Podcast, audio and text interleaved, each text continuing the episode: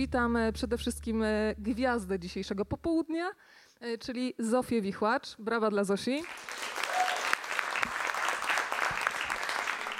Czy ja mogę się przywitać? No jasne. Nie, chciałam tak przywitać się i powiedzieć, że bardzo fajnie was widzieć, bo jest tak piękna pogoda, że byłam przerażona, że przyjdą dwie osoby może, a jesteście i bardzo się cieszę.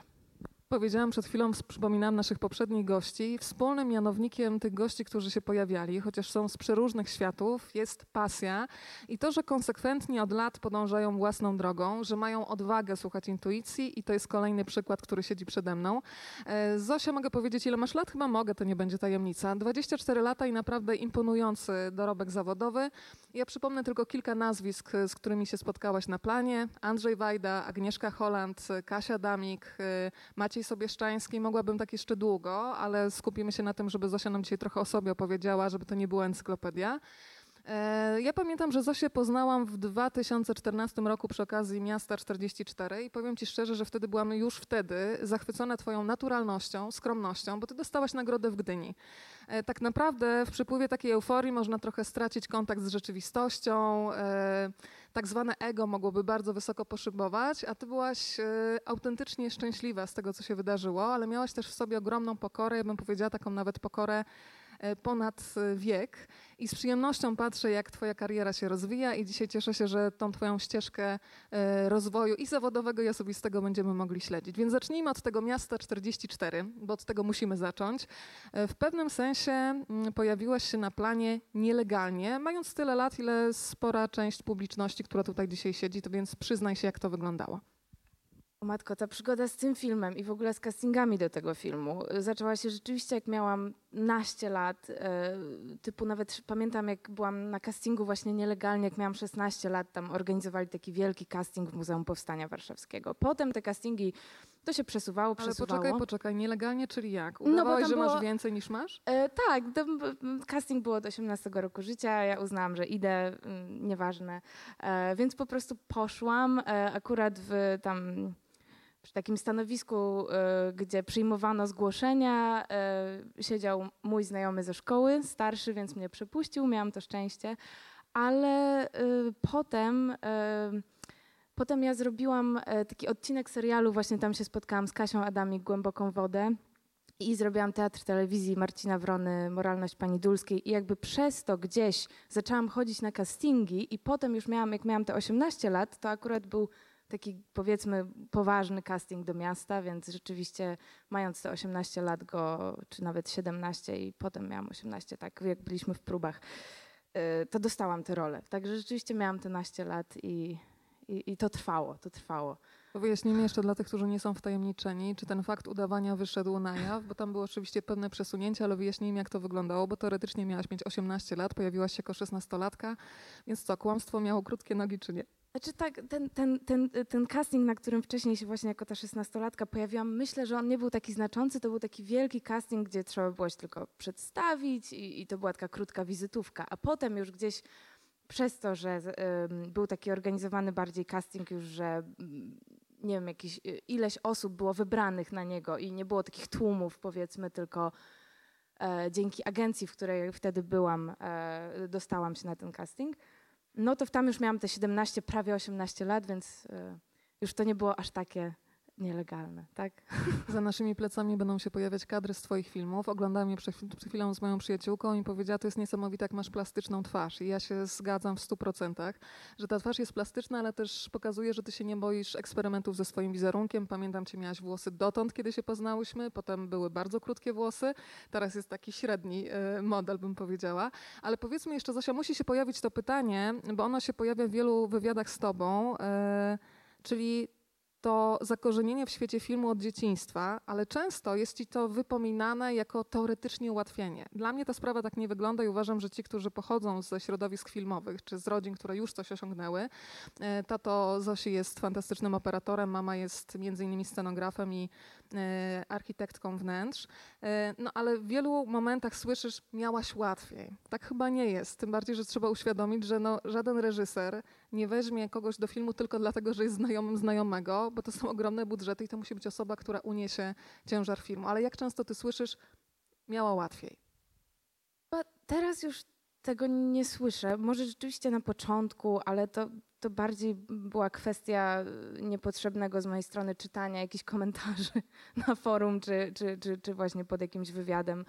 To jest bez sensu. E, e, a, a teraz, teraz już chyba, chyba to się na szczęście. Znaczy, Okej, okay, wiem, że właśnie, ale to idealnie to wyjaśniłaś, bo mam ten sam pogląd na to. Właściwie jaki szanujący się reżyser by wziął kogokolwiek znajomego, znajomych, tam dziecko, czy, czy...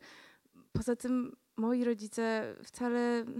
Okej, okay, mój tata jest głównie teraz profesorem w, szkole filmowej w Łodzi, jest dziekanem Wydziału Operatorskiego, ale właściwie nie jest już aktywny zawodowo od wielu lat.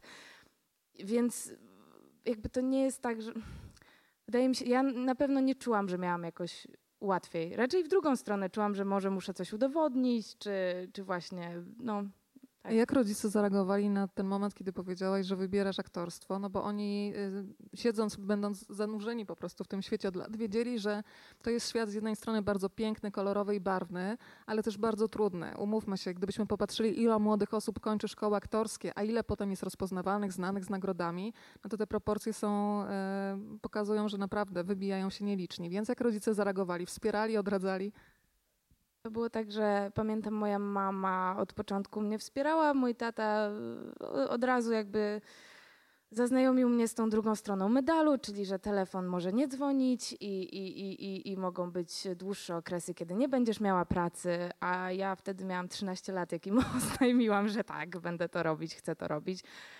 Więc, y, ale, ale, ale jestem w sumie wdzięczna, bo miałam od razu w pakiecie dwie, dwie, dwie szkoły. Jakby moja mama taka na tak, jasne, rób to, rozwijaj się w tym kierunku, znajdź sobie zajęcia dodatkowe, prawda? To takie wsparcie też było niesamowicie potrzebne, a z drugiej strony takie, takie racjonalne podejście, okay, to jest twoja decyzja, zobaczymy, czy wytrwasz, no bo miałam 13 lat, mogłam równie dobrze po roku stwierdzić, że idę na medycynę, ale no, ale tak, więc jestem w sumie wdzięczna też mojemu tacie, że mnie tak ostrzegł, bo to mnie też przygotowało jakoś psychicznie, bo oczywiście przeżyłam te, te czasy, że właśnie e, było mniej tej pracy, czy były takie dłuższe okresy po prostu normalnego życia, a nie z projektu do projektu, jakby takiego cały czas pracy, pracy, pracy. Co jestem bardzo ciekawa, czy po drodze pomiędzy tymi ciszami zawodowymi i małaś innych zajęć, czyli nie wiem, chciałabyś, czy chciałabyś, czy byłaś zmuszona do tego, żeby na przykład być, nie wiem, kelnerką albo zrobić w jakikolwiek inny sposób, żeby po prostu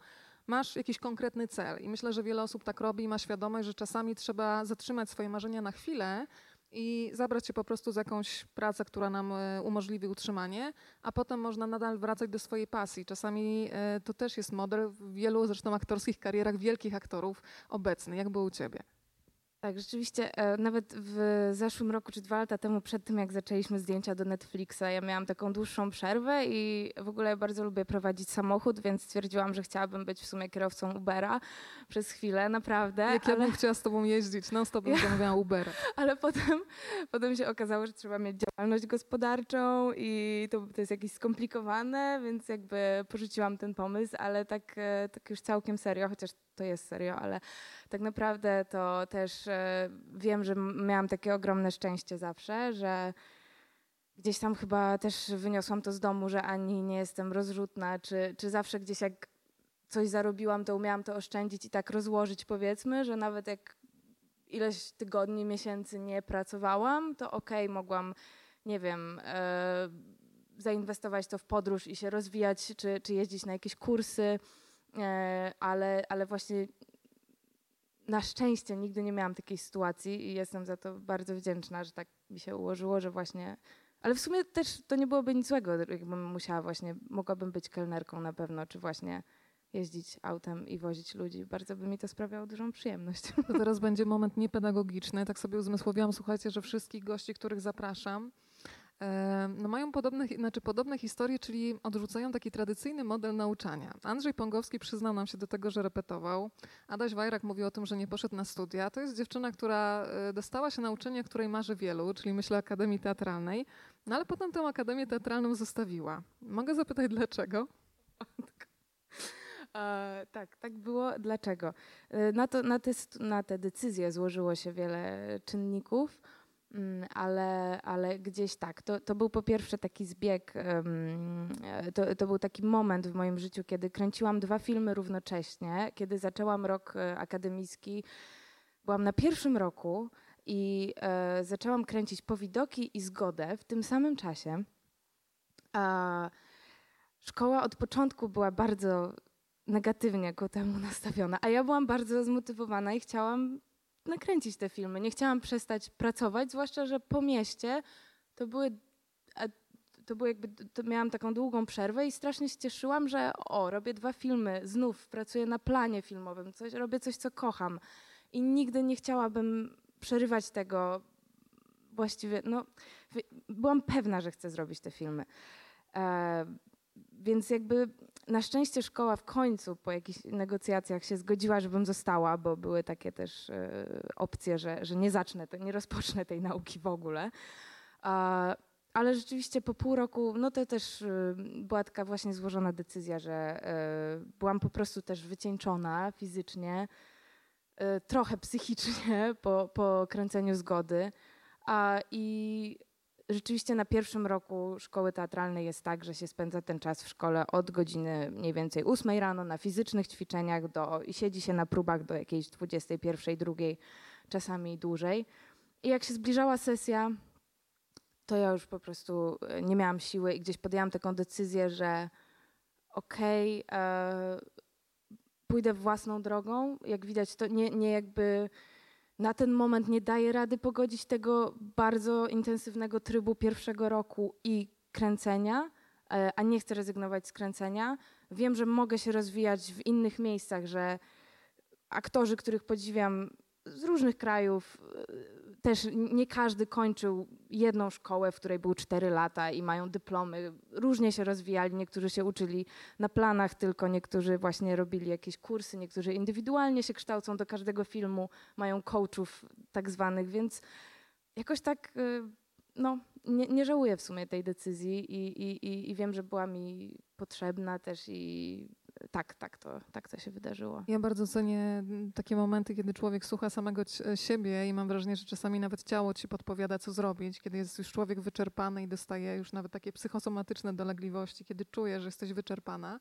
Więc y, gratulacje za odwagę, bo to jest bardzo trudno podjąć taką decyzję, szczególnie kiedy całe środowisko dookoła mówi, co ty robisz, wymarzona szkoła, jak możesz i tak dalej. Tak, Słyszałaś takie właśnie, głosy? Tak, oczywiście, że tak. Nagle, gdy, gdy podjęłam tę decyzję, to wszyscy, dosłownie wszyscy moi znajomi, nawet i dalsi znajomi i ludzie z branży okazali się być moimi doradcami, których właściwie w ogóle nie prosiłam, e, ale ja zawsze gdzieś miałam coś takiego, e, że, że, że właśnie wiedziałam, że bardzo ważne jest słuchać swojej intuicji, takiego prawdziwego głosu i pewnie wiecie o co chodzi, a, i, i jak, na, jak najbardziej jakby to polecam, żeby słuchać takiego głosu, który jest w zgodzie z nami, no, taki najbardziej nasz, bo to jest y, prawdziwe i to wierzę, że nam dyktuje coś, coś dobrego dla nas. I, I po prostu mimo tych wszystkich rad i właściwie E, głosów, e, zarzutów, że co ja zrobiłam, że mi się poprzewracało w głowie i, i, przecież ja nigdy, nigdy nie będę pracować bez dyplomu i muszę skończyć tę szkołę i tak dalej, i tak dalej. Ja wiedziałam, że ja dobrze zrobiłam i muszę przetrwać ten czas,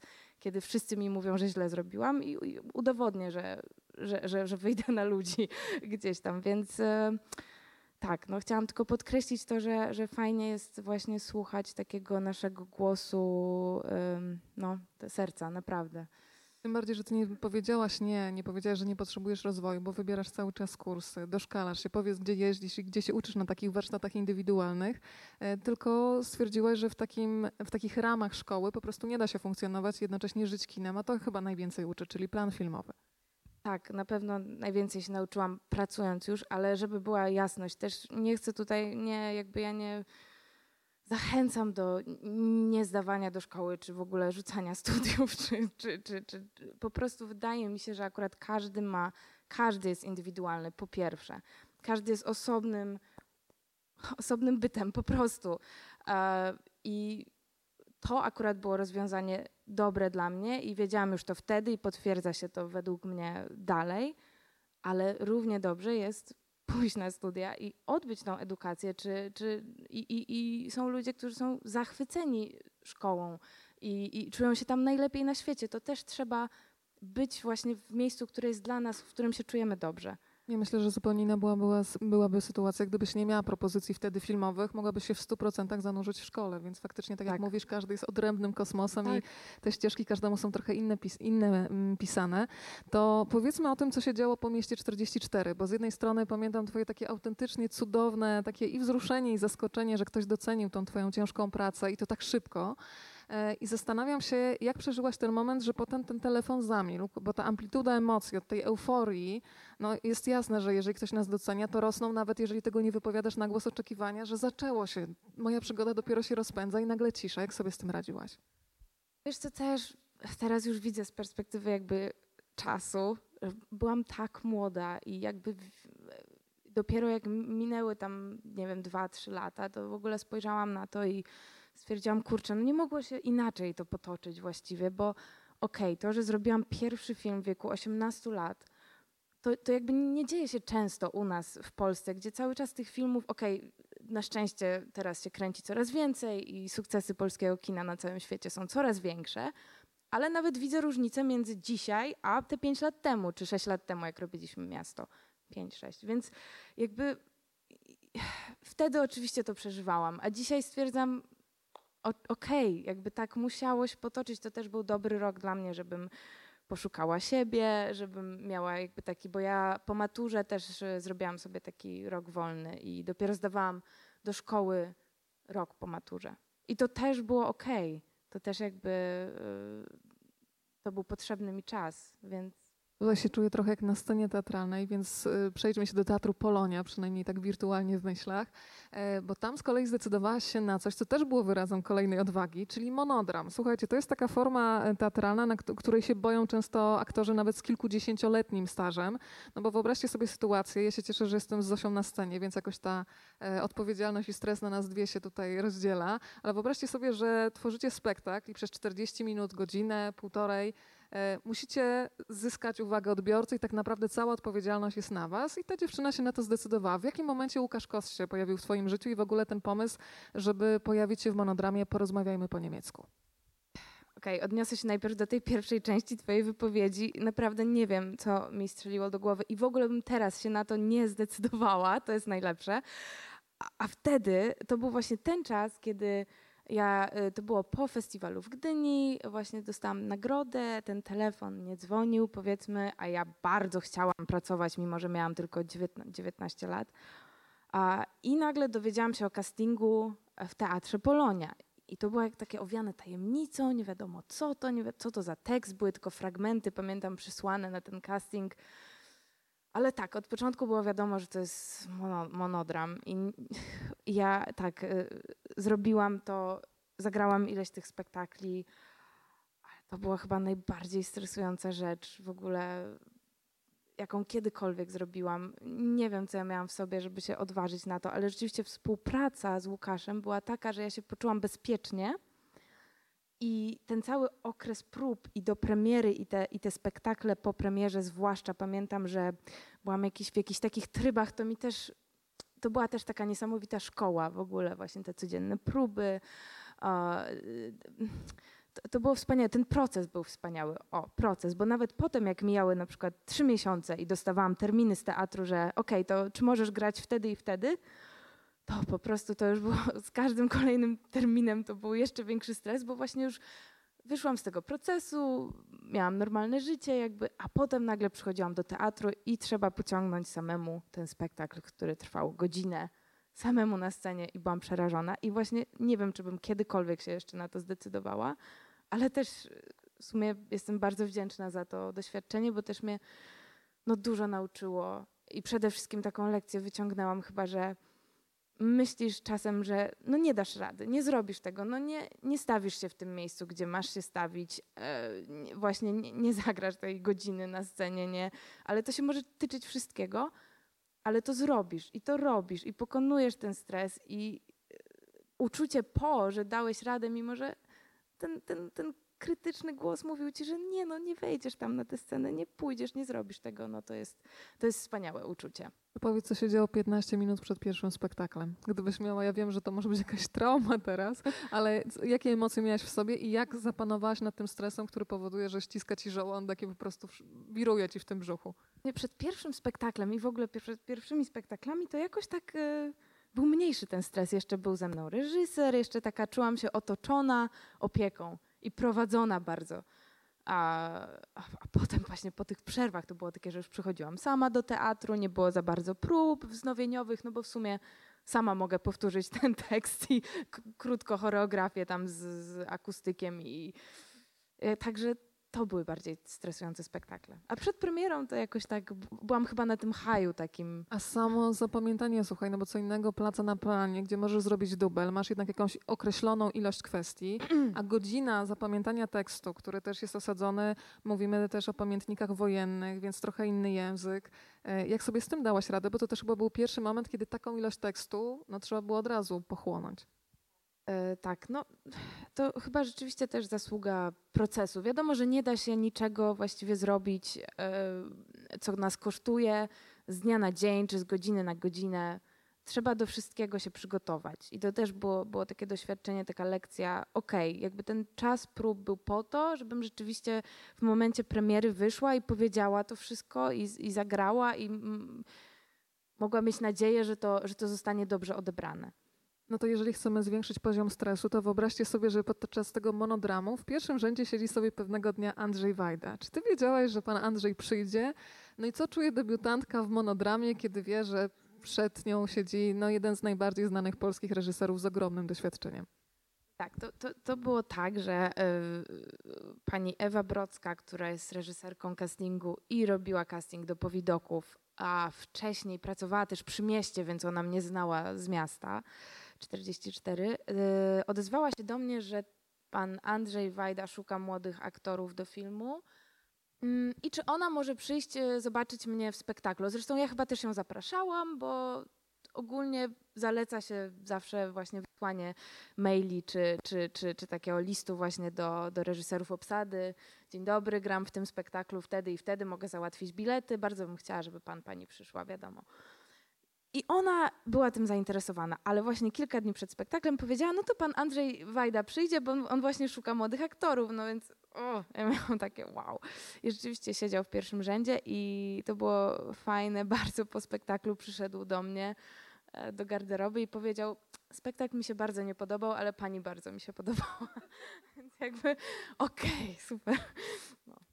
No to w takim razie to jest dla mnie też kolejny dowód na to, że słuchajcie, nigdy nie wiecie, jaki projekt okaże się takimi drzwiami, które się otwierają do kolejnego projektu.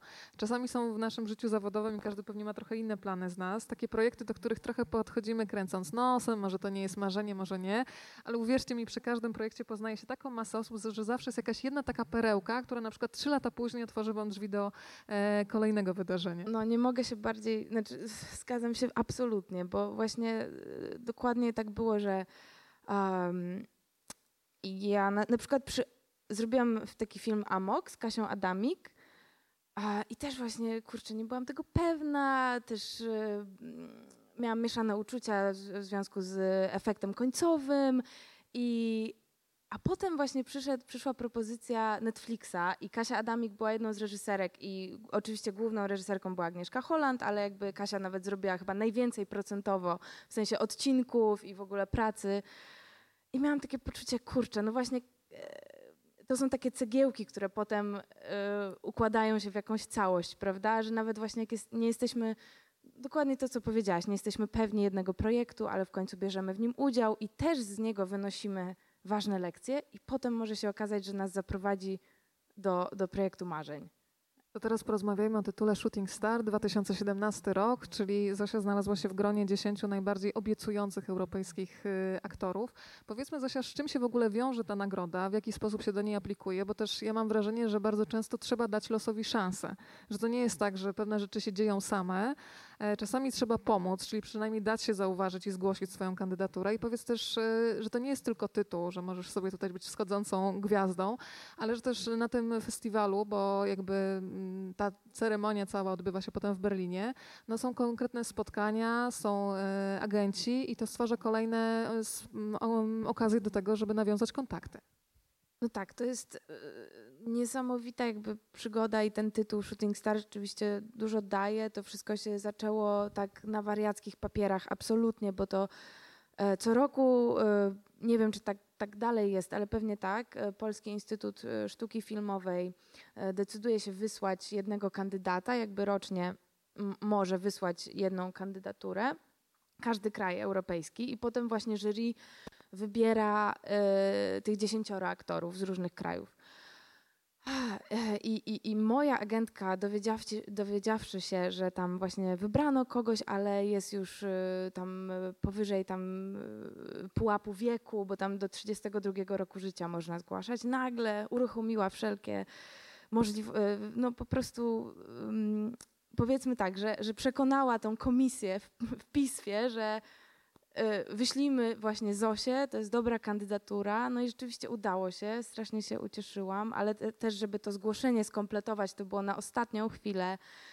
Y, tam trzeba wysłać demo, y, masę zdjęć, właśnie fotosów z planów, jakichś publikacji w prasie. Cały jeden film trzeba wybrać i to wcale nie dowolny, tylko jakiś najnowszy ze swoim udziałem z poprzedniego roku trzeba mieć film, więc tych kryteriów jest dużo. E, no ale udało się. E, to była też taka fajna motywacja, że w kilka dni można spiąć się absolutnie i coś doprowadzić do, do, do końca i właśnie wysłać te papiery i, i, i potem się czeka chyba dwa miesiące na decyzję. No i jak była ta decyzja, to się bardzo ucieszyłam i e, pojechałam tam i rzeczywiście poznałam no, wspaniałych ludzi. Plus to jest przede wszystkim okazja do. To są jakby takie targi aktorów, że się tak może nieładnie wyrażę, ale coś w tym jest. Ma się tam spotkania z reżyserami obsady z całej Europy, a, czy nawet ze Stanów, właśnie z agentami. No i to niesamowicie rzeczywiście poszerza tą sieć kontaktów. Potem pojawiają się zapytania y, właśnie od, o międzynarodowe castingi. Można brać udział w międzynarodowych castingach, więc to jest, y, to jest niesamowita sprawa. Fajnie, że też w tym roku chyba Dawid Ogrodnik tam był, więc no. To teraz się zapytam, to jest pytanie, które się ciśnie pewnie na usta wielu młodym osobom, które marzą o zawodzie aktora. W jaki sposób w takim razie szukać też agenta? Bo to osoba, która nas reprezentuje, e, która potrafi zawalczyć, która widzi potencjał, która jest takim wspieraczem w momencie, kiedy ty masz moment kryzysowy. Jak szukać, żeby mieć kogoś, kto będzie takim wsparciem dla młodych? Wydaje mi się, że e, tak, jak jesteście w szkole, to angażować się w jak najwięcej filmów właśnie y, studenckich, czy robić te etiudy, jakieś teledyski, cokolwiek, żeby potem móc nawet skleić jakieś swoje właśnie mini pierwsze demo i na przykład po prostu trzeba potem atakować, wydaje mi się, agentów, pisać maile, umawiać się na spotkania i wiele agencji jest otwartych e, na spotkanie. Właśnie są okresy, kiedy przyjmują ludzi młodych. E, Który, oczywiście ten początek jest trudny, ale też no, wiele, też wiem, że tak to funkcjonuje, mnie to ominęło, ale e, jest też festiwal szkół teatralnych, gdzie są prezentowane dyplomowe spektakle właśnie szkół teatralnych i tam wiem, że też dużo agentów jeździ i po prostu gdzieś patrzy na, na ludzi w tych spektaklach i też ich potem bierze do agencji. No ale samemu też można działać, samemu można też wynajdywać te agencje, właśnie pisać maile, e, no i walczyć jakoś o siebie. No nie jest to łatwe, ale dlatego mówię chyba o tym angażowaniu się właśnie w, we wszystko, w co możecie, y, bo jak, jak zagracie w jakiejś studenckiej etiudzie, ale to będzie perełka, to ktoś uważny to dostrzeże na pewno. Zosia, jak jest z, mhm. ze zmianą wizerunku? Bo to jest tak, że kiedy człowiek zaczyna, pewnie też jest zwyczajnie jako młoda dziewczyna przywiązane do tego na przykład, że mam włosy do pasa. E, a ty potrafiłaś naprawdę przy okazji wielu filmów pokazać, że dla roli potrafisz się diametralnie zmienić. Czy to, czy to ci przyszło łatwo? Czy to też był jakiś etap dojrzewania do tego, że jestem aktorem i moim atutem jest właśnie plastyczność, to, że potrafię się poddać kolejnej metamorfozie? To zawsze mi chyba przychodziło łatwo, ja zawsze byłam otwarta na, e, na jakieś zmiany. Właśnie jak Maciek Sobieszczański przy zgodzie powiedział, że no Zosia, obcinamy włosy jakby i to będzie obcinanie na ujęciu przez aktora. Mamy jednego dubla. Ja miałam takie okej, okay, okej, okay, no zrobimy to, bo on jakby walczył o prawdę, całości tego filmu. Powiedzmy i... trochę o tym filmie. Nie wiem, czy Dobra. widzieliście, można nadrobić y, ten film w WOD. Ja nadrabiałam, jestem pod wrażeniem Zosia, bo tak sobie pomyślałam, że to była taka rola, która też emocjonalnie cię musiała bardzo dużo kosztować. Przenosimy się w czasie do roku 45, czas zaraz y, po wojnie. Jesteśmy w obozie, gdzie przebywają Polacy, e, Ślązacy, są Niemcy i tak naprawdę ty jesteś w takim trójkącie miłosnym, bardzo trudnym. No i ta rzeczywistość obozowa, która myślę, że może się śnić nawet po nocach w momencie, kiedy człowiek wchodzi w 100% w rolę. No tak, tak, tak, tak trochę było, właśnie tak się to zbiegło z tym kręceniem i powidoków. O, i, właśnie jesteśmy o, przy zgodzie, to nasz, tak. nasze takie zdjęcie z tego filmu. Um, no więc tak, tak, to rzeczywiście, ale gdzieś to było fajne doświadczenie nawet z tymi, znaczy wartościowe bardzo, z tymi włosami i obcięciem ich, bo obcinaliśmy je oczywiście na końcu z uwagi na logistykę. E, I ja miałam po obcięciu ich dosłownie tam trzy ostatnie dni zdjęciowe, a potem kończyłam ten film, kończyłam zdjęcia, poszłam do fryzjera od razu, żeby tam wyrównać to. I i to było takie, jakby wiedziałam, że okej, okay, to jakiś taki nowy rozdział się rozpoczął, bo rzeczywiście jak się zmienia fryzurę, mm, nie wiem, czy macie podobnie, ale ja zawsze tak mam, że trochę, trochę to dużo daje, możemy z tego brać. I nagle jak pierwszy raz w życiu miałam tak krótkie włosy, a właśnie zawsze miałam takie, no okej, okay, już na planie w zgodzie miałam takie, ale to też y, to było fajne fajne doświadczenie, no, to odrastanie włosów. Też mogłam się jakby gdzieś pożegnać chyba z tą rolą, czy z, w ogóle z tymi filmami, w których grałam z takimi włosami, czy z dłuższymi. To było, to było jakieś takie potrzebne chyba. Za nami się ukazują kadry z filmów, których dotychczas zagrałaś i które już część z Was pewnie miała okazję zobaczyć, a teraz będziemy uruchamiać wyobraźnię słowami. Powiedz trochę o World on Fire, czyli filmie, w którym pojawiasz się z Tomkiem. Kotem, serialu, tak? No ale serial też film trochę. Tak. Więc Mam nadzieję, serial BBC, taki... drodzy Państwo. No i powiedzmy, że w obsadzie znalazła się też Helen Hunt, więc wszyscy pewnie są ciekawi. E, po pierwsze, jak tam trafiłaś, a dwa, kiedy się pojawi film, no i wprowadź nas trochę w, realia, bo tak naprawdę w polskiej prasie bardzo mało jest na temat tego serialu. No tak, tak, oczywiście nic nie mogę mówić, ale coś powiem. E, znalazłam się e, drogą klasyczną, castingiem, e, też reżyserka castingu polska była też, bo tam dużo, dużo, znaczy było kilka ról dla Polaków. Rzecz dzieje się oczywiście kiedy? W czasie II wojny światowej, przepraszam, ja już się śmieję, bo po prostu dużo, w dużej ilości projektów brałam udział, które się dzieją około II wojny światowej, ale tak już na poważnie. E, było tam kilka ról dla, dla Polaków i właśnie między innymi taka młoda dziewczyna, była taka rola do obsadzenia. No i po prostu Viola Bull, która jest reżyserką castingu, do mnie zadzwoniła. Ten casting był bardzo długi, trwał chyba kilka miesięcy od jakichś pierwszych nagrań po już próby kamerowe z reżyserem, producentem, głównym aktorem, bo to też jest duża rola, więc y, Także ja, ja się bardzo cieszę na ten serial, nie mogę nic zdradzić. E, Helen Hunt jest wspaniałą osobą, mogę tyle powiedzieć i wspaniale się z nią pracuje, ale to była niesamowita przygoda. Spędziłam, mieszkałam trzy miesiące w Pradze, e, w Czechach kręcąc, jeszcze potem kręciliśmy w Anglii. I mam nadzieję, że to będzie wspaniały serial. E, wychodzi jakoś na jesieni tego roku. Powiedzmy trochę o języku angielskim, który jest niezbędny w zawodzie aktora. Ja ostatnio spotkałam się z Rafałem Zawieruchą i też opowiadał już takiej bardzo małej publiczności, bo tam były akurat dzieciaki przy okazji filmu Korgi Psiak Królowej. Jak ważne jest to, żeby faktycznie od najmłodszych lat ten angielski nawet wprowadzać do zabawy. Jak ty doskonaliłaś swój język? No bo wiadomo, że kiedy pojawiają się produkcje zagraniczne, to ten język jest bardzo często obecny. Oczywiście są czasem role, gdzie akcent polski jest wręcz wskazany, e, no ale jak, jak y, podszkalałaś to wszystko, co już miałaś jako bazę wyjściową ze szkoły? No, ja chyba zawsze jakoś tak mnie ciągnęło też w stronę języków i nawet um, miałam, miałam taki plan B, powiedzmy, że gdybym się nie dostała do szkoły, czy gdyby mi z tym nie wyszło z aktorstwem, to, to pójdę na jakąś właśnie anglistykę czy coś takiego.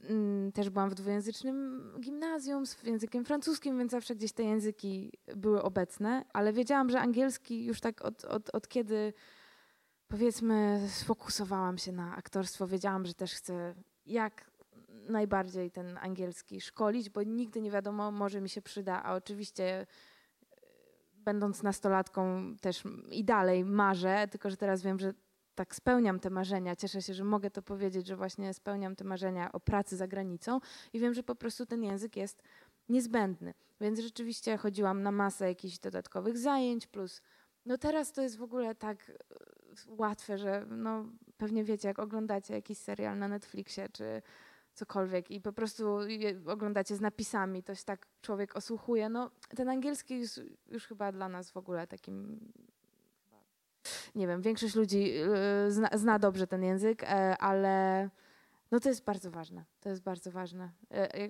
Tak. Word on Fire kiedy będzie można zobaczyć? Wydaje mi się, oczywiście nie wiem, ale czy wiem, ale nie mogę powiedzieć. Ale nie mogę powiedzieć. Ale właśnie jesień, jesień, lato, jesień, tak będzie premiera. E, no to się premieruje na, w BBC. Nie wiem, jak w Polsce będzie to dostępne, po jakim czasie, czy jak. Mam nadzieję, że to trafi na jakąś taką platformę w ogóle, że, że będzie w różnych krajach, no ale zobaczymy. To teraz jeszcze serial DNA, czyli duńska produkcja. E, tutaj możesz trochę więcej powiedzieć, czy też będziemy tak enigmatyczne?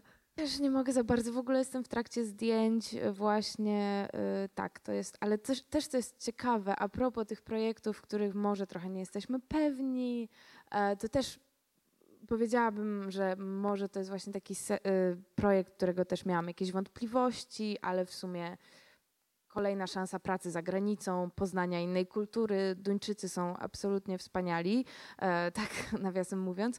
I, I też właśnie e, to jest taki kolejny przykład, że e, aha, znalazłam się w tym i okej, okay, mam jakieś wątpliwości, może co do scenariusza, czy, ale e, właśnie praca za granicą, czy, czy jakby były czynniki, które tyle czynników, które mówiły za, że tak, zdecyduj się, rób ten projekt. Jestem w sumie przeszczęśliwa, że podjęłam taką decyzję, że właśnie znów, e, akurat znów pracuję w Pradze, ale też właśnie poznałam, no przede wszystkim właśnie Duńczyków, to, to są wspaniali ludzie. I, I, bardzo się cieszę, no bo jednak im więcej się pracuje, myślę, tym e, każdy właściwy projekt może nas rozwinąć. Ja jest, jestem tego zdania. Ze wszystkiego możemy coś wynieść i się wiele nauczyć. To teraz przyjrzyjmy się polskim serialom. Ja byłam wielką fanką Roysta na przykład, czyli twoje spotkanie z Janem Holubkiem. Nie wiem, czy oglądaliście, albo drugi serial, który też z pewnością doskonale znany, Netflixowy, czyli 1983. To powiedzmy o tych dwóch produkcjach. E, dwa bardzo ambitne projekty i to mnie cieszy, że kiedy już mówimy polski serial, to to też się już wiąże z jakością. No to zacznijmy od Roysta, czyli pani Teresa przede mną teraz siedzi Zarzycka, tak? O Jezu, nie, właśnie, bo to jest takie śmieszne, że y, ta rola w ogóle i Netflix i Royce to krę, kręcili, ja kręciłam to równocześnie i te role były tak inne. Ja tak lubiłam tą Karolinę z Netflixa, ponieważ gdzieś wchodzenie w, w jej, znaczy tak, tak sobie ustaliłam, że ona ma tyle takich cech, których y, często nawet, znaczy może ja już tak zawalczyłam i, i, mam ich coraz więcej i po prostu na co dzień próbuję o nich pamiętać, ale ona mi się bardzo podobała, bo była taka pewna siebie i taka miała takie silne poczucie własnej wartości, co uważam, że jest szalenie ważne.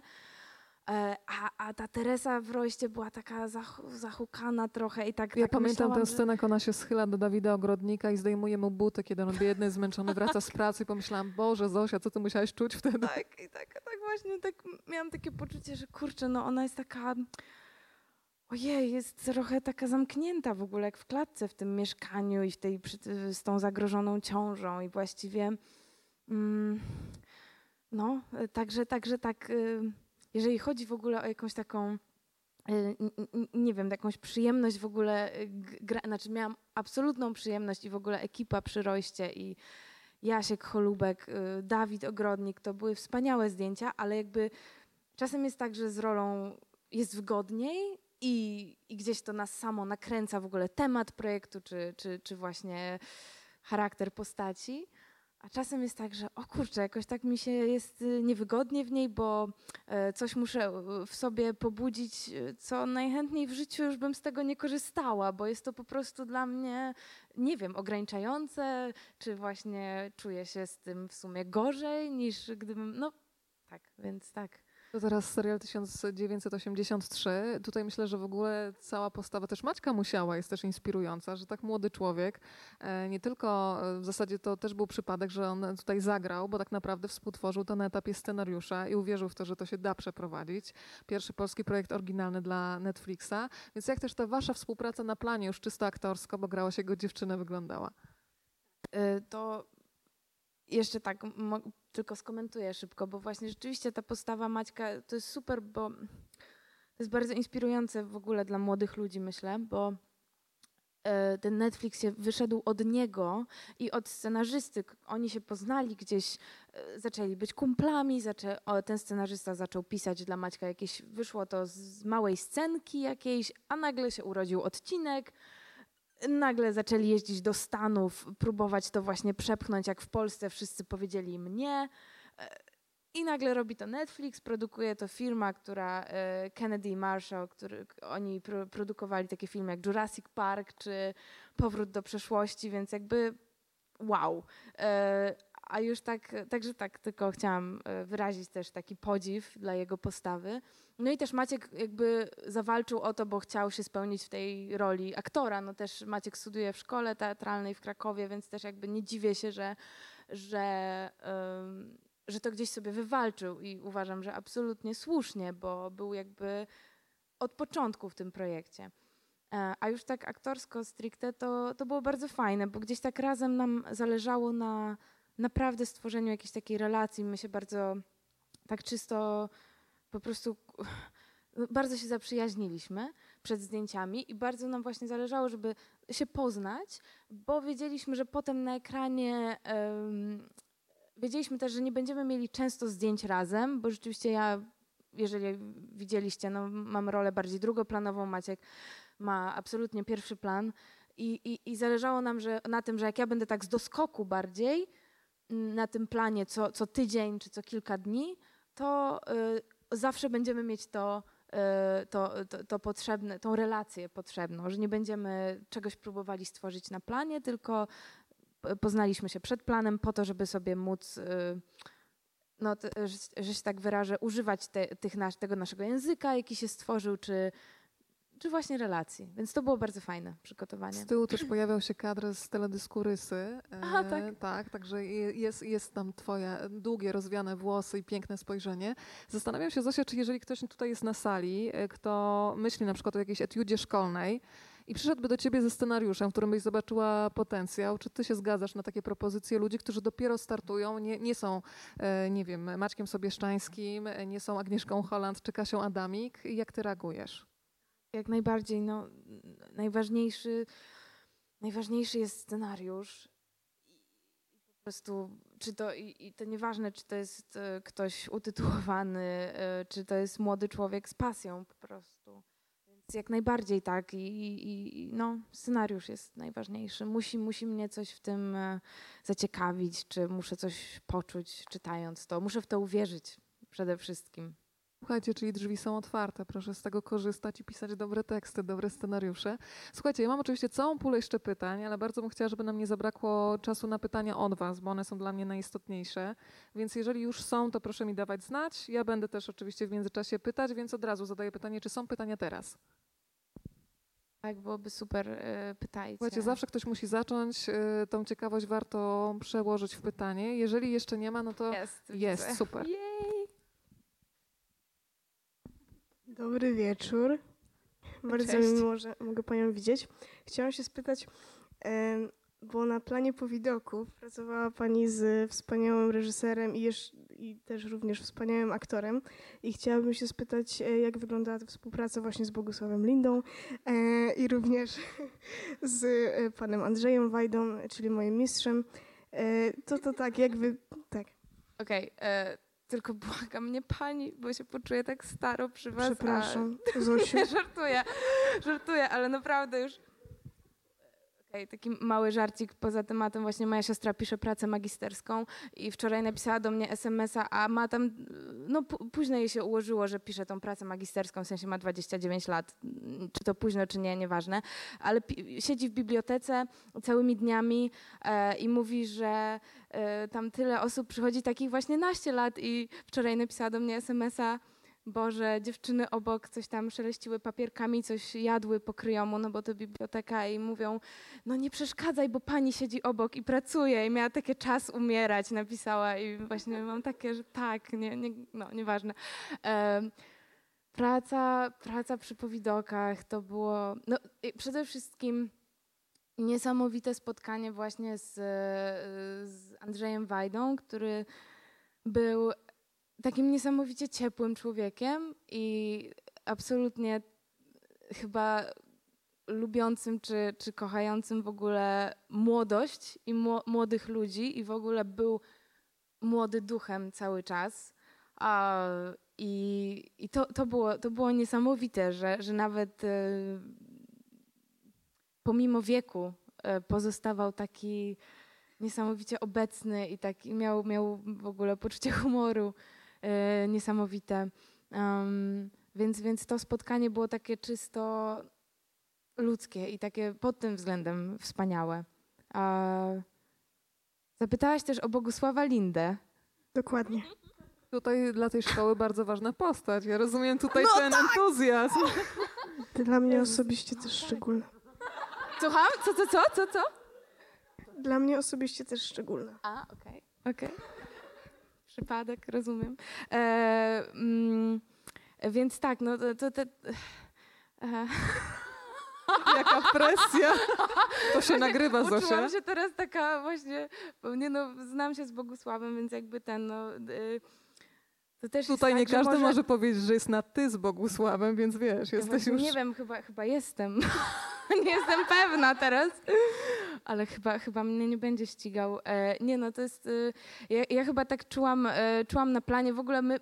To było tak, że był Bogusław i była grupa młodych ludzi, młodych nas, aktorów, grupa po prostu młodych i wydaje mi się, że może on chciał nam zrobić trochę taki trening pokory i takiego, bo jakby wydaje mi się, że, znaczy mogę powiedzieć, że, że, że dla mnie nie był najłatwiejszym partnerem, może tak, przy pracy, ale to też było fajne wyzwanie. Więc jakby szanuję taką postawę, bo to nie było do końca tak, że o, fajnie, zakumplujmy się i w ogóle robimy razem film. No, tak jak nie wiem, no nie wiem, z Maćkiem Musiałem, czy z Dawidem Ogrodnikiem przy Roście, czy no z wieloma partnerami. A jak było z Andrzejem Sewerynem? A, Andrzej Seweryn jest wspaniały, absolutnie, no ale to jest jakby taki też, y, on tak właśnie na pani do mnie i to jest taki gentleman i tak się zwracał, no nie wiem, nawet chyba mnie pocałował w rękę, to było takie wow, ale... ale... Bogusław Lindę całował w rękę, czy nie? nie, to? nie, właśnie raczej y, był obecny dystans, i, i, ale to, to, też był, to też było fajne wyzwanie z perspektywy czasu, jakby też to doceniam bo ja musiałam jakby dwa razy mocniej chyba w ogóle zabiegać o jakąś jego uwagę i kontakt z nim, e, więc fajnie, fajnie, e, fajną motywację otrzymałam. Zosia wspomniała o tym poczuciu humoru pana Andrzeja Wajdy. Ja pamiętam opowieści studentów szkoły Wajdy, kiedy go zapytali, co jest najważniejsze dla reżysera na planie i wszyscy zawadła taka cisza i wszyscy czekali na taką pompatyczną wypowiedź, a pan Andrzej powiedział ciepła kurtka, moi drodzy, ciepła no. kurtka i to kompletnie to napięcie jakoś y, zniwelowało. Słuchajcie, no to runda pytań została już y, rozpoczęta, rozpoczęta więc kontynuujmy. Jest pytanie, super. Mikrofon już pędzi. We e, właściwe Pytanie, ręce? Jest. Bo tak jak mówiłaś, y, grałaś w dużo y, w wojennych filmach i czy masz jakieś filmowe marzenie poza tym? Tak, tak, y, tak. To, to absolutnie chcę zrobić fajną komedię. Bardzo, bardzo bym chciała. Wiem, że cały czas chyba na polskim rynku odważę się to powiedzieć. Nie jest łatwo o to ale wierzę, że może, może za granicą się uda, czy zobaczymy, może tutaj. Nie wiem. Chciałabym to kiedyś w czy w najbliższym czasie zrobić. I tak, rzeczywiście no, ciągnie mnie do współczesnych projektów, no bo może tak jest, że jak się zrobi dużo filmów czy właśnie seriali, które są z innej epoki, no to potem chciałoby się coś zrobić zupełnie innego i współczesnego i nowoczesnego. No więc tak, to są takie moje marzenia. A jak powiedziałaś o tej komedii, to mnie bardzo ciekawi, ile scenariuszy na przykład wylądowało na twoim biurku, jakichś komedii romantycznych, które przeczytałaś i stwierdziłaś, nie chcę mieć z tym nic wspólnego. Było kilka takich okazji, e, sytuacji. Była nawet propozycja już po, po castingu. No bo na etapie castingu stwierdziłam, pójdę na casting, zobaczymy, nie chcę odmawiać od razu, bo to jest nie, niegrzeczne, nie lubię tego słowa, ale powiedzmy, że nie powinno się, y, nie powinno, no. W każdym razie dobrze było pójść na ten casting, więc poszłam i potem pojawiła się propozycja, no i tak y, były takie mocne y, prośby, żebym to zagrała, ale wiedziałam, że nie chcę, no. No po prostu nie chciałam być w komercyjnym projekcie, um, nawet, no, no nie, no to, to, by był, to chyba byłby taki zysk czysto finansowy, a ja się kieruję jednak tym, co mogę zyskać e, tak e, no, w innych aspektach, przede wszystkim e, rozwoju, prawda, i pracy. Ważna lekcja kolejna, czyli trzeba się też nauczyć mówić nie w konkretnych O, sytuacjach, co jest bardzo tak. trudne i pewnie każdy z Was też miał z tym do czynienia. Kolejna runda pytań, bardzo proszę. Cześć Zosiu. Jestem tutaj. Bardzo mi się podoba, jak oszczędnie grasz i jaką siłę rażenia ta oszczędność e, zostawia e, na ekranie. Chciałabym Cię zapytać o Twój proces. Czy na przykład e, na początku Twoja postać jest dla Ciebie samej bardzo wyrazista, a potem ściągasz? Jak to u Ciebie się tworzy? A pytasz w ogóle o przygotowania, jakąś koncepcję, czy już na planie? E, Tak, o proces tworzenia postaci. Okej. A Wiesz co, no, każdy projekt jest inny, z każdym reżyserem praca inaczej wygląda i ja też widzę, że gdzieś pewnie dalej jestem na etapie poszukiwań i w ogóle jestem otwarta na, na różne metody, choć najbliższą na ten moment metodą i z której jakby cały czas korzystam jest taka metoda, której się uczyłam, e, byłam na warsztatach, na takich zajęciach właściwie w Los Angeles. I to jest taka, na takich zajęciach e, kobieta się nazywa Iwana Czabak. Bardzo polecam jej książkę The Power of Actor, czyli jakby siła aktora. I, e, i, I z tych kursów niesamowicie wyniosłam i z tego korzystam, ale oczywiście ta metoda opiera się, wychodzi z takich bazowych metod, które często, e, z których w ogóle w szkołach teatralnych i, i w ogóle w szkołach się myślę dużo korzysta, czyli te szkoły, czyli Stanisławski, Czechow, czyli podstawy, podstawy w ogóle teatru nowoczesnego, a potem też aktorstwa nowoczesnego, czyli to jak się rodził w Stanach, tak jak Marlon Brando był powiedzmy takim jednym z pierwszych, jak się określa, chyba takim nowo, nowoczesne jakby aktorstwo, tak? Stella Adler, e, ta szkoła, więc e, ta metoda się wywodzi z tych, to wszystko jest gdzieś kombinacją i rzeczywiście jest mi bliskie takie tworzenie postaci, takiej psychologii, lubię się jakby wymyślić jakby świat tej osoby, co ona lubi robić, czytać, jaką ma w ogóle temperaturę, w takim sensie, jaki ma temperament, jaki ma charakter. Czy- Rzeczywiście lubię, ta, lubię, tak, lubię tak budować, a z drugiej strony lubię bardzo czerpać z tego, co ym, ze mnie i z tego, co aktualnie przeżywam, czy przechodzę przez coś, czy mam, mam w sobie dużo pewnych uczuć, bo wiem, że to zawsze wygra, w tym sensie, że nie, nie lubię zaprzeczać sobie na planie. Wiem, że zawsze na planie, czy pracując gdzieś, e, też czerpię zawsze z siebie. I był na przykład taki moment, e, teraz e, właśnie, mm, nie wiem jeszcze, czy to będzie dobry efekt, ale też w ogóle daję sobie e, taką przestrzeń na naukę, że wiem, że nie trzeba być perfekcyjnym. I to jest też bardzo ważne, że bo wtedy takie wielkie napięcie, które możemy sobie sami przed sobą stwarzać, sobie stwarzać, e, trochę opada. Więc e, to też jest ważne. I na przykład teraz przy tym duńskim serialu, przy którym pracuję, właściwie na tym planie się znalazłam od razu po skończeniu zdjęć do tego wojennego serialu World on Fire. I byłam właśnie wykończona, byłam, byłam e, taka. Wszystko, co mogłam, dałam tamtemu projektowi i byłam przerażona, że nie mam czego dać po prostu, nie mam z czego brać e, w, tym, w, tym, w, tym, w tym nowym serialu, a zdjęcia zaczęłam trzy dni po bankiecie kończącym tamten serial. Stwierdziłam, okej, no to w takim razie ta postać jest taka i taka, opowiadam taką historię, no to w takim razie muszę jakoś wpleść ten rodzaj wypalenia, czy w ogóle emocjonalnego e, wymęczenia, e, muszę dać to tej postaci, bo to mam na ten moment w sobie i wiem, że to będę miała pewnie przez najbliższe dwa tygodnie, cztery tygodnie, zanim się nie pozbieram, jakoś nie, nie napełnię tej studni jakimiś nowymi inspiracjami, nie odpocznę. I na przykład tak, taką też metodę stosuję. I, i, I jakby wiem, że to jest w zgodzie ze mną i to jest wtedy prawdziwe, myślę. Ale też wiem, że jestem na etapie szukania i myślę, że ten zawód daje taką niesamowitą szansę, żeby właśnie kształcić się zawsze i zawsze w każdym projekcie możemy odkryć coś innego, co dla nas działa. Albo, no. Jeśli mogę jeszcze dopytać, to jest taki moment, kiedy już rzeczywiście łapiesz tę postać albo na ciebie przychodzi, czy tak naprawdę do końca ona jest dla ciebie taką, nie chcę powiedzieć niewiadomą, bo rzeczywiście myślisz o niej, przygotowujesz się do niej jakby też w ciele, ale i emocjonalnie, ale czy też na samym planie nie dzieje się tak, że przychodzi do ciebie jeszcze jakaś ekstra wartość dodana i ona tak naprawdę y, prowadzi tę postać y, no, najbardziej? Właśnie to, to, wszystko zależy i fajnie jest być y, otwartym na to, co przychodzi.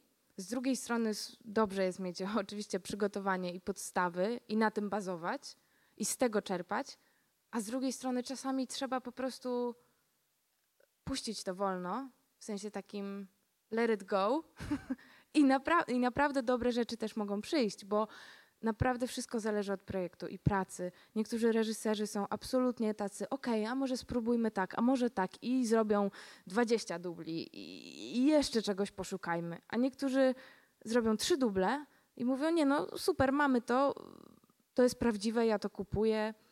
Więc, więc to, to zależy, to zależy. Zosia, to ja się podepnę trochę do tego pytania, bo zastanawiam się, jak czasem pogodzi też różne sytuacje osobiste, które się zdarzają. Mam sobie też czasami myślę, że jeżeli się jednak pracuje na przykład w biurze i na przykład, nie wiem, masz trudną sytuację, nie wiem, wielu aktorów się rozwodzi, ktoś jest ciężko chory w domu, to tak naprawdę przy tym biurku jakoś możesz się przez te 8 godzin po prostu schować w tym swoim świecie, robić swoje, ale też emocjonalnie nie angażować. Czy w takich trudnych sytuacjach, nie wnikam jakich, ale one się pojawiają w, w no, w każdym Tego. życiorysie, prawda? To są przeróżne sytuacje. Czy wejście w rolę jest dla ciebie w takiej sytuacji ucieczką, czy to wymaga jakby podwójnej gry, czyli grania, że jest wszystko ok i jeszcze wejścia w rolę? Bo to jest dla mnie jeden z takich największych chyba kosztów emocjonalnych, który sobie wyobrażam, myśląc o waszym zawodzie. No tak, jest w tym bardzo dużo prawdy, w tym co mówisz i chyba, chyba każdy aktor, ja mogę właśnie mówić tylko za siebie, ja akurat tak pracuję, że właśnie rzeczywiście dużo czerpię z siebie może kiedyś nauczać tak oddzielać, bo wiem, że obserwuję innych aktorów i wiem, że niektórzy tak potrafią. Przychodzą na plan i nieważne, czy właśnie dziecko im wylądowało w szpitalu i oni musieli pojechać na ten plan i zagrać kompletne szczęście, na przykład, tak? Wiesz, to chodzi o odpowiedzialność, że oni są jedną tam, nie wiem, ze 150 osób na planie i wiedzą, tak, że muszą przyjechać. To jest tak, ogromna presja. dokładnie. Dokładnie. Ja, ja, ja, jednak oczywiście trzeba zachować ten profesjonalizm i w jakichś takich momentach też się próbuję odciąć, a z drugiej strony zawsze, kiedy jest na to przestrzeń czy przerwa nawet krótka, ok, pozwalam sobie, jeżeli akurat jestem w jakimś takim ciężkim momencie, żeby jednak y, te emocje gdzieś y, płynęły, bo też wiem z doświadczenia już, że jakieś takie zatrzymywanie tych emocji, czy nie, nie dawanie im ujścia, czy no, no jest też szkodliwe potem dla, dla, dla mnie przynajmniej. E, więc o ile w roli mogę sobie gdzieś pozwolić, żeby może właśnie rolą sobie jakoś te emocje, wiesz, dać, dać im ujście, to, to ok, a jak muszę zagrać coś zupełnie innego, no to, no to trzeba włączyć ten profesjonalizm na kilka godzin i po prostu pociągnąć to i potem wrócić do domu i się poskładać, tak? Ale właśnie 100, 100 osób w ekipie i nie można, nie można zawieść, nie? Macie ciąg dalszy pytań? Ja mam Czekamy. pytanie, dzień dobry. Ja mam właściwie dwa pytania, można powiedzieć bardziej teatralne, czyli pierwsze pytanie jest y, o pracę nad fantazją w TR-ze, a, a drugie jest może takie bardziej techniczne i chyba nawet bardziej mnie ciekawi, więc sobie pozwolę je zadać. Na ile czujesz się, pozwalam też sobie na ty, na ile bardziej czujesz się, na ile czujesz się pewnie technicznie, mam na myśli dykcyjnie i emisyjnie, mimo że ja, no, jakby nie, to nie ma zabrzmieć pejoratywnie, że nie masz dyplomu, że jakby jak wygląda twoja praca nad, e, nad dykcją bardziej autonomicznie i, nie, i niezależnie bez tych starszych profesorów? Jasne. To jest fakt, że nie mam dyplomu, więc jakby spokojnie, to nie jest pejoratywne w żadnym, ale tak już na serio to um, tak, e, czyli praca nad fantazją.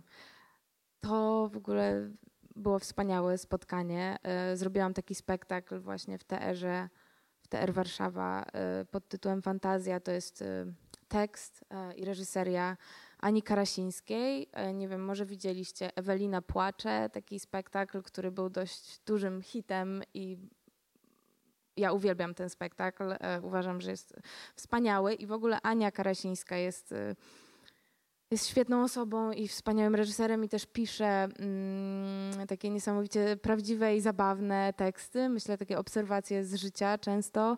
E, tak też jest w przypadku fantazji i praca, praca nad tym e, była też wspaniała, no bo spotkałam się w ogóle z, z fantastycznymi aktorami, bo tam jesteśmy z Adamem Woronowiczem, Agatą Buzek, Rafałem Maćkowiakiem, Marią Maj i Dobromirem Dymeckim. I w ogóle przebywanie, przebywanie z nimi e, i taki okres prób, to było fajne bardzo. No i jeszcze ta, taka forma, no bo nie wiem, czy może ktoś widział ten spektakl, pewnie, znaczy nie wiem, e, zakładam, że może założę, że nie, więc żeby nie zdradzać za dużo, forma jest taka, że właściwie prawie nic się nie dzieje, stoimy na scenie i e, reżyserka daje nam jakby uwagi, czy, czy, czy, czy kieruje nami, co mamy czuć w danej chwili, czy jakie osoby teraz gramy, e, jakie stany emocjonalne, więc tak naprawdę ten spektakl jest bardzo taki filmowy, bo mamy dać widzom projektować na siebie różne emocje, jakby widz ma sobie na nas coś zaprojektować, więc to, to jest bardzo fajne. E, więc nie jest to taki typowy, typowe teatralne wyzwanie, że to nie jest, nie wiem, Romeo i Julia i nie gram Julii, tak? W tym sensie. E, jest to coś zupełnie innego. Ale to było wspaniałe. No i rzeczywiście e, ja zawsze gdzieś tam nawet przed szkołą, a propos drugiej części twojego pytania, e, jakby indywidualnie starałam się o to dbać. Oczywiście w szkole były też zajęcia i gdzieś, e, ale jak nawet odeszłam ze szkoły, to wróciłam do moich indywidualnych zajęć i, i po prostu staram się indywidualnie to, to ciągnąć i gdzieś zawsze być uważnym na to, żeby na planie czy przed planem, no nie wiem, zrobić jakąś rozgrzewkę y, dykcyjną, czy wiesz, zawsze jakby uważać na to, że kiedy już jestem w pracy, okej, okay, czasami na życie jestem zmęczona, cokolwiek, mogę sobie pozwolić na to, że nie mam ochoty dzisiaj rozgrzewać głosu i, i, i, i mówić jak aktor, ale no, na planie to jest ważne jednak, więc chcę o tym pamiętać Dziękuję. też. Mikrofon powędruje dalej. Trochę się niepokoję, że towarzysz tam z rzędu obok się dzisiaj nie odzywa, zawsze aktywny, no. No tak, tak. Ale rozumiem, rozumiem jak najbardziej. Ja nie będę tą złą nauczycielką, która wywołuje. Za dziewięć dni matura, no tak. Nie chciałabym być w waszej sytuacji, ale wspieram całym sercem, słuchajcie. Zosia, to ja jeszcze zapytam, yy, chyba że jest pytanie jeszcze z sali, to oczywiście oddaję pytanie wam, bo to są wasze wieczory i wasze spotkania. Jest, proszę. E, e, dzień dobry. E, ja chciałem zapytać, bo padło już pytanie o to, jak wchodzisz w rolę, więc chciałem zapytać, jak z niej wychodzisz. Jak wracasz do siebie, bo na przykład czytałem w którymś wywiadzie, że miałaś z tym kłopoty po mieście 44. No tak, to wiesz, też na pewno to też jest proces i nauka i miasto było takim moim pierwszym wielkim projektem, to była duża rola, to był jakby męczący okres zdjęciowy w tym sensie, że było tych dni dużo, były intensywne, kręciliśmy w upałach. Plus oczywiście głównym aspektem było, był cały emocjonalny ciężar powiedzmy e, tej historii, tej postaci. Mm, więc y, plus mój wiek wtedy i tak naprawdę zero doświadczenia, więc te wszystkie aspekty jak się złożyły, no to wychodzi 18-letnia dziewczyna po planie filmowym w stanach depresyjnych, powiedzmy. Ale oczywiście się teraz z tego śmieję, ale wiem też, że, że to jest właśnie proces i nauka, bo teraz z każdym projektem to wychodzenie też inaczej wygląda i myślę, że są projekty, w których bardziej się wchodzi w te role i rzeczywiście potem trudniej się jest pożegnać, bo na przykład się uwielbiało to grać po prostu, albo e, stworzyło się taką jakby ekipa na planie stworzyła się taką rodzinę z nimi. To często się tak używa tego słowa, że ma się taką nową rodzinę na czas zdjęciowy i rzeczywiście się tak blisko z tymi ludźmi jest, że, że potem ciężko się rozstać, a czasami są role, które są po prostu emocjonalnie bardzo angażujące i ciężkie. Powiedzmy, że wykorzystujemy te trudniejsze emocje, no i wtedy może to wychodzenie zajmuje trochę więcej czasu, ale na szczęście wydaje mi się, że już mam jakieś takie swoje rytuały, które mi pomagają robić to zdrowo i w ogóle pozwalać sobie na jakiś taki, pozwalam sobie przede wszystkim na jakiś taki czas. Aha, skończyło się, okej, okay, czuję się beznadziejnie, bo tęsknię za tym projektem, albo uwielbiałam właśnie to grać, albo jestem emocjonalnie kompletnie pusta, bo zostawiałam emocje przed kamerą. I okej, okay, to jest w porządku i wiem, że nazywam to, to, myślę, że nie ja tylko, ale że jest jakaś taka studnia i to się nie tyczy tylko aktorów, tylko na pewno tak macie też, jeżeli robicie jakieś rzeczy w ogóle artystyczne i wkładacie całych siebie w ten projekt i w ogóle swoją wrażliwość i swoje wnętrze i, i, i wkładacie w coś, dajecie siebie czemuś, no to potem wydaje mi się, że trzeba zapełnić te studnie, no bo y, cały czas musimy się inspirować. Cały czas wydaje mi się przynajmniej tak to dla mnie działa, że ja jak tylko skończę jakiś projekt, to chcę okej, okay, to zaczynam oglądać więcej jakichś y, seriali, filmów, y, idę na wystawę. Y, muszę mieć czas też tylko ze sobą. Teraz jest piękna pogoda, więc można iść do parku i medytować w parku, no cokolwiek, tak, żeby e, napełniać siebie w ogóle światem zewnętrznym. Jest kolejne pytanie, bo mnie jeszcze, Zosia, mm, przypomniałaś między innymi Zgodę, film Zgoda i pomyślałam sobie, że miałaś też w swoim dorobku, będąc bardzo młodą aktorką, takie sceny, które wymagały z jednej strony obnażenia czysto fizycznego, ale też obnażenia emocjonalnego. I zastanawiam się, jak się też przełamuje najzwyczajniej w świecie pierwszy wstyd. Z tym mają doświadczeni aktorzy e, problem. Więc jak ty sobie z tym radziłeś? Bo to jest w ogóle wchodzenie w ten zawód, to jest sprawdzanie też swoich granic i przełamywanie kolejnych granic. Rozumiem, że też stworzenie bezpieczeństwa na planie jest bardzo ważne, ale jak sobie z tym radziłaś jako bardzo młoda dziewczyna? No tak, przede wszystkim trzeba mm, Dobra, nieważne. Przepraszam. E, w każdym razie e, to, to są oczywiście trudne, trudne momenty.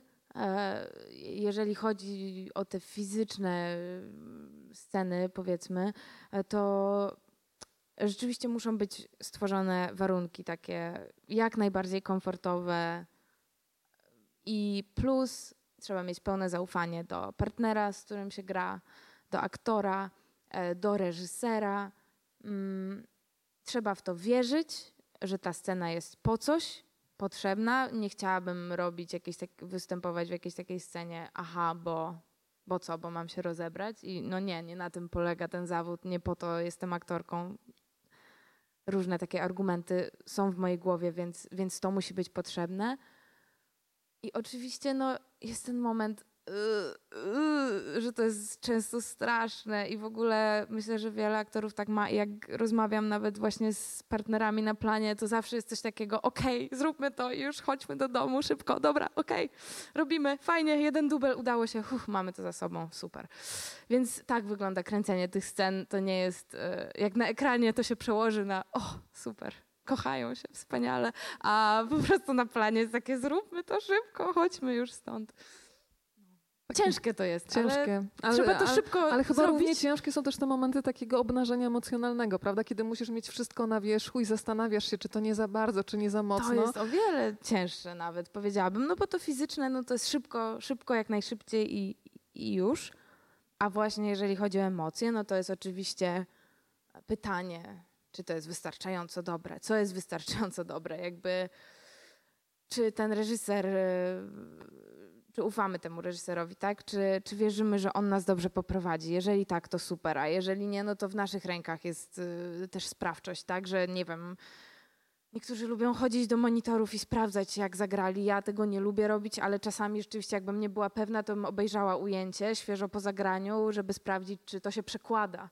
Bo też często jest tak, że myślimy, że o, mam te emocje, projektuję jakąś emocję, a to patrzę potem na ekran i mam takie, kurde, w ogóle to nie, nie, nie wyszło to. Trzeba to zrobić o 30% mocniej, albo właśnie, co ja tu zagrywam się bez sensu, dobra, zdejmujemy, czyli mniej, mniej, mniej. Więc to wszystko jest na poziomie właśnie współpracy z reżyserem przede wszystkim i jakiegoś takiego swojego chyba też zaufania, no i doświadczenia. Im więcej widzę, że im więcej pracuję, tym więcej już wiem, jak, co w kamerze, gdzie dać więcej, kiedy, w jakich scenach odpuścić w ogóle. Właśnie jaka postać może mieć więcej właśnie tego temperamentu, może na przykład bardziej wyrażać te emocje, a ktoś może być kompletnie schowany i być zawsze emocjonalnie niedostępny. I wtedy nic po sobie nie pokaże. I możemy tylko z fabuły się domyślać, co tam przeżywa. Więc to, to jest różnie. Słuchajcie, kontroluję czas, bo nam się świetnie rozmawia, ale widzę, że mam jeszcze kwadrans, więc słuchajcie, ostatni moment na to, żeby zadać jeszcze od Was y, pytania. Oddaję mikrofon z przyjemnością. Bardzo proszę tutaj z przodu, para. Dobrze, a, to będzie przechodni mikrofon. Dzień dobry.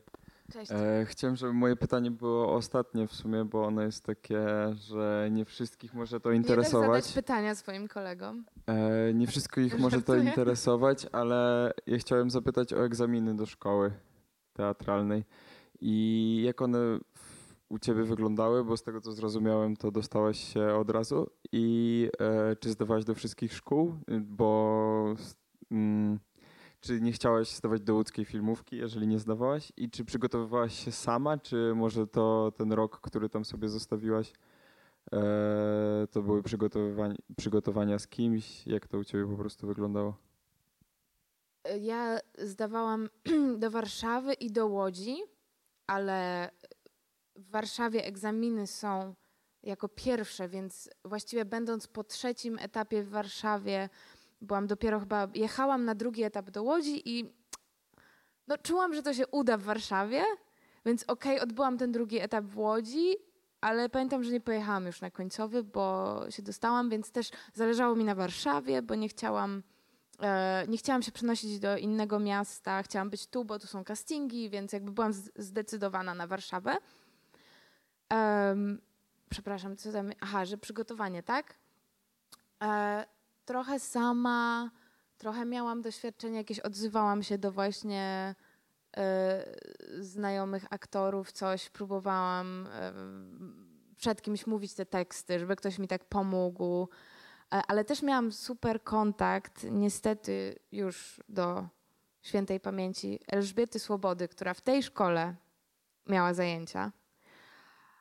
Pracowałam z nią indywidualnie, w ogóle jak miałam taki ten rok przerwy i ona mi też niesamowicie dużo dała.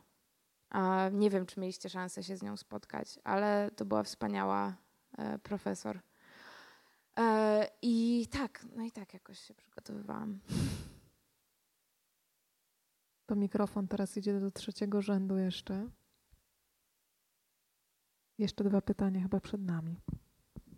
Cześć Zesiu. Hej. Ja mam pytanie nawiązujące do tego, co już padło wcześniej, czy pytanie o teatr. E, czy przy okazji pracy nad Twoim monodramem, czy przy okazji pracy nad fantazją, czy pokochałaś scenę teatralną równie mocno, jak pokochałaś plan filmowy? I czy masz jakieś plany, żeby wrócić do teatru, czy raczej widzisz swoją karierę na planie filmowym? No to tak. E, ja zawsze, zawsze kochałam teatr, w sensie tam jak właśnie byłam nastolatką, to też obsesyjnie chodziłam na spektakle i tak dalej, ale no potem ta decyzja o zostawieniu szkoły też jakby wiedziałam, jakie będą konsekwencje, a jednak w Polsce brak dyplomu oznacza raczej, jest to takie równanie, okej, okay, nie, nie będziesz występować w teatrze.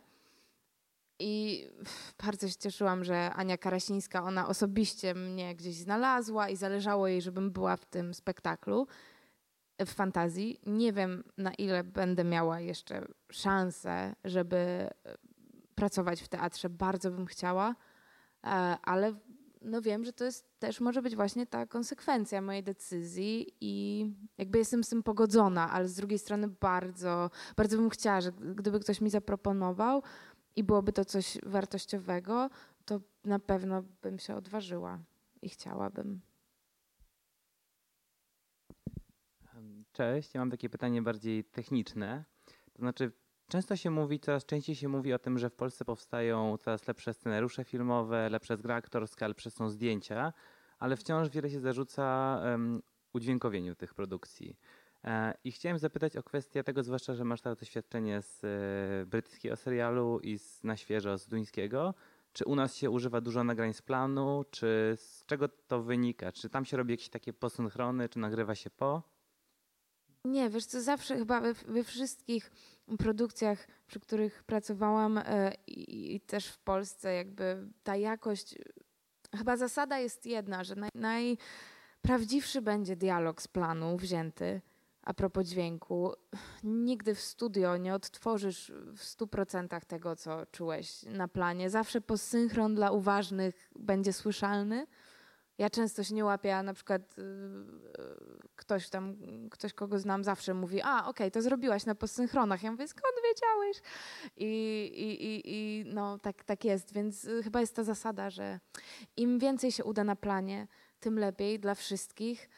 No a wiadomo, jak coś niestety y, nie, nie słychać czegoś, bo z dźwiękiem jest różnie, no czasem jest, to teraz takie doświadczenie właśnie z ostatnich tygodni, czy miesięcy przy tej duńskiej produkcji. Graliśmy mm, w Danii miała być taka pogoda absolutnie burzowa, wiatr i to jakby jest kluczowe dla tego momentu w scenariuszu. Więc e, postawili taki wiatrak wielkości, no nie wiem, tak, idący, tak, tu, tu, tu, tu, tu, tu taki wielki po prostu wiatrak. I my z tą aktorką w scenie zdębiałyśmy, bo i co, i to będzie tak, i zrobili próbę, zawsze jest próba przed ujęciem i po prostu poszło, wiecie, po prostu to na, tak na maksa. I my tak zaczęłyśmy krzyczeć do siebie, bo nie słyszymy naszych kwestii. Wieje ten nam wiatr, jeszcze puszczali liście rekwizytorzy właśnie tam przy tym wiatraku i my po prostu w tym wietrze takie aaa, krzyczymy. W ogóle i oni mówią, no tak, tak wygląda ujęcie, no bo musimy mieć ten wiatr. A my tak, aha, okej, okay, czyli rozum, okej, okay. dobra, zrobiłyśmy to ujęcie, no i oczywiście potem sam dźwięk, nazywa się to na płasko nagrywanie dźwięku, czyli e, jest absolutna cisza na planie, stoją tylko aktorzy w pozycjach i nagrywają dialog na planie w tych emocjach. Tylko się lepiej, żeby się nie ruszali jakoś za bardzo, żeby właśnie nie było wiatraka, czy nie wiem, nagrywa się scenę, jak nie wiem, pociąg wjeżdża na stację i jest wielka, czy samolot startuje, no są takie sceny i potem trzeba ten dialog żeby jednak był słyszalny, prawda, uratować. Nie sposób tego nagrać w jednym czasie, jak jest ten wiatrak, a my krzyczymy. No. Trzeba to dograć potem. Dziękuję. Słuchajcie, to już chyba ostatnia szansa, więc ktoś jeszcze ma ochotę? Jeżeli mm, tak czy nie, na razie nie, to ja Zosia poproszę na finał. Zosia, rozmawiałyśmy o tym, że ty jesteś taką dojrzałą duszą, może starą duszą, czyli mówiłaś mi o tym kiedyś, że sięgasz do takich staroci filmowych, które lubisz oglądać i do których wracasz. To poproszę trzy, pięć tytułów filmów, do których wracasz z przyjemnością, niezależnie od tego, ile razy już je widziałaś i takie, które e, ja zresztą uważam, że zawsze świetnie się poznaje człowieka przez jego wrażliwość. I jeżeli ktoś kogoś cenię i lubię, a tak jest w twoim przypadku, to bardzo bym też chciała cię poznać od tej strony filmowej i podążyć z tym twoim gustem filmowym. Okej, okay, to pytasz o starocie. To rzeczywiście powiem o starociach. Mm, no to w takim moim top staroci, zacznę od Polski, no to jest na pewno Pociąg e, Kawalerowicza. Ziemia obiecana, Wajdy. W ogóle polska szkoła filmowa, czyli te wczesne filmy Wajdy i też potem Kieślowski, Has, Kawalerowicz, to, to, to jakby to chłonęłam jak miałam te naście lat i to polecam każdemu, bo to jest potem fajne, żeby widzieć, aha, czym się kino inspiruje nawet dzisiaj i, i, i to jest piękne. Um, a poza tym uważam, że wiele z tych filmów w ogóle się nie zestarzało. Um, też mam takie klasyki, e, już nie polskie, ale na przykład Łowca Jeleni. E, jest taki film. Akurat uważam, że on się trochę zestarzał, ale pod względem aktorskim ten film jest majstersztykiem i trzeba go zobaczyć. A czy Ojciec Chrzestny, to oczywiście są takie naprawdę klasyki, ale mam też taki film, e, który się nazywa To wspaniałe życie. To jest film chyba z 46 roku e, amerykański. E, dzieje się w święta Bożego Narodzenia i jest to taki najbardziej optymistyczny film, taki naprawdę, jeżeli czujecie się okropnie i nie wiem, pada deszcz, jest listopad, to włączcie po prostu ten film. E, chyba wyreżyserował go Frank Capra i tam gra James Stewart, taki młodziutki. I no to jest takie starocie, też, też lubię. To tak, no. Jeszcze film, do którego wracam zawsze, to jest e, Królew. To jest moja ulubiona bajka z dzieciństwa. Na tym filmie płakał Andrzej Pongowski, też się przyznał. O, w kinie. No ja po prostu, to, to, tak, no, to się pła- ja płakałam na trailerze teraz, jak się ukazał tego, tego, tej wersji filmu Motion Capture. No więc tak. Słuchajcie, ja mam takie marzenie, żebyśmy wszyscy utrwali ten moment. Jeżeli ktoś ma ochotę, tylko proszę uważać na kamerę, to zróbmy sobie tutaj wspólnie na scenie e, zdjęcie z Zosią. E, nie będziemy tak rozproszeni jak tutaj. Kto ma oczywiście ochotę, nikogo nie zmuszam, ale żebyśmy mieli taki fragment tego rozmawiam, bo lubię tutaj wszyscy razem. A Zosia, bardzo Ci dziękuję, bo dla mnie Twoją siłą jest łagodność i autentyczność i za tym według mnie się kryje mocny charakter. To nie musi być krzykliwość, to nie musi być bycie na ściankach, tylko właśnie autentyczność i naturalność. Więc bardzo Ci dziękuję i Dziękuję. myślę, że dziękuję w imieniu nas wszystkich. Super.